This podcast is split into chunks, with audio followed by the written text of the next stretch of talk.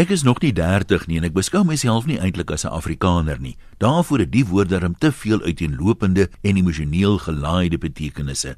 Ek beskou myself wel as trots Afrikaans, hoewel ek nie 'n taalpurist is nie. Soms sukkel ek te veel om te cope met mense wat Afrikaans tot 'n geloof verhef. Ek was Saterdag aan by die laaste groot konsert in die bos op Nelspruit. 16 bekende kunstenaars het opgetree en almal behalwe een het naam gemaak met Afrikaanse liedjies. Die konsert is deur 40000 mense bygewoon, van wie almal behalwe enkelinge waarskynlik ook Afrikaans was.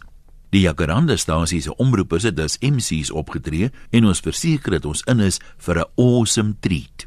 Baie kunstenaars het egter verkies om bekende Engelse covers te sing. Ek het gewonder hoekom. Elke kunstenaar wil tog die meeste maak van die groot verhoog. Do they think that's the way to go? Hoewel hulle dit uitstekend gedoen het, het die oom wat langs my gesit het, die Engels gehaat. Die mense is mos hier om Afrikaans te hoor, brom hy. Hy's waarskynlik reg.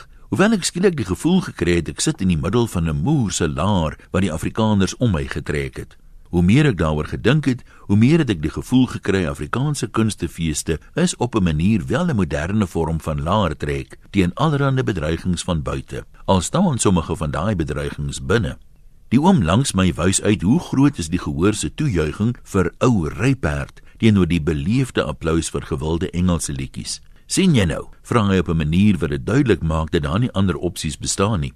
Vir my is dit egter 'n emosie van wantroue in my moedertaal, as 'n liedjie wat Chris Blighnout meer as 'n half eeu gelede oor 'n vergange vervoermiddel gesing het, steeds die hoogtepunt van 'n 2016 verskeidenheidskonsert is.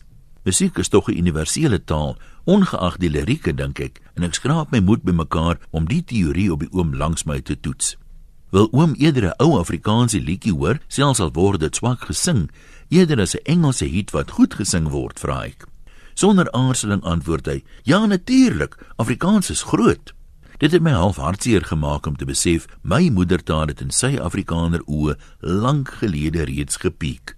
As daar die afgelope 50 jaar geen nuwe Afrikaanse hoogtepunte was nie, dan lewe ons mos maar in die verlede. Want wat anders kan 'n mens tog doen? Maar ek moet sê, toe al die kunstenaars saam op die verhoog verskyn en die konsert met 'n Engelse medley afsluit, voel dit vir my ook nie reg nie.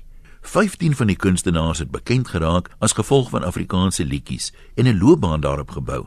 Is Afrikaans groot, maar nie groot genoeg om die konsert op 'n hoogtepunt mee af te sluit nie? Hulle gaan nie gou weer voor so 'n groot waarderende laar optree nie. Groete van oor tot oor. Antoniem